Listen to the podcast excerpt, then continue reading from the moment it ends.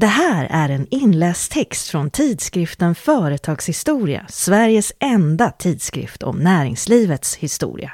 Texten finns även online på bistories.se. Momsens historia. Mervärdesskatten, eller momsen som vi i dagligt tal kallar den, är en statlig skatt på konsumtion. Det är du och jag som konsumenter som ska bära kostnaden för momsen. Det är företag och andra aktörer som redovisar och betalar in momsen till staten. Företagen ska låta momsen passera genom sin verksamhet genom att betala in momsen på mervärdet i varje led. Den allmänna varuskatten, omsen, infördes redan i början av andra världskriget för att finansiera statens höga kostnader för försvaret. Omsen avskaffades vid krigets slut men återinfördes 1960 som en konsekvens av en underbalanserad statsbudget. Momsen ersatte omsen 1969 när Gunnar Sträng var finansminister.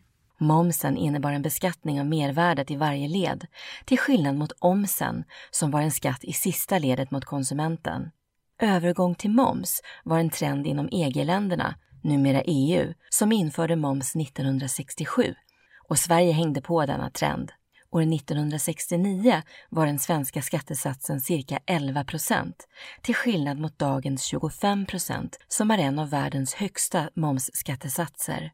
Det finns även lägre moms som undantagsvis tillämpas på vissa varor och tjänster. Exempelvis beskattas tidningar, böcker och persontransporter med 6% och livsmedel, restaurang och hotelltjänster med 12 OECD pekar på en tydlig skattetrend med allt fler länder som inför ett momssystem. I slutet av 1960-talet hade färre än 10 länder ett momssystem. Idag är det fler än 160 länder som har det.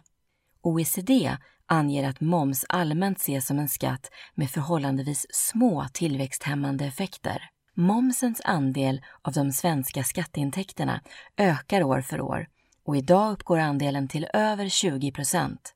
Även om momsintäkterna vida överstiger intäkterna från exempelvis bolagsskatten är den svenska momsdebatten mycket begränsad. Internationellt sett ser vi hur länder konkurrerar med sänkt bolagsskatt och samtidigt kompenseras detta med höjd moms. Den svenska momsen har dock genomgått omfattande förändringar. Skattereformen 1991 innebar att fler transaktioner blev beskattade och genomgick en så kallad basbreddning. Vid EU-inträdet 1995 anpassades svensk lag till EUs mervärdesskattedirektiv. Momsen uppfattas ofta som obegripligt svår och toppar i regelbörda. Till skillnad från många andra skatter måste momsen hanteras korrekt för varje transaktion, varje dag och i varje faktura. Detta regelverk påverkar inte bara företagen utan även Skatteverket, domstolar och konsumenter. Det här var en inläst text från tidskriften Företagshistoria, Sveriges enda tidskrift om näringslivets historia. Texten finns även online på bistories.se.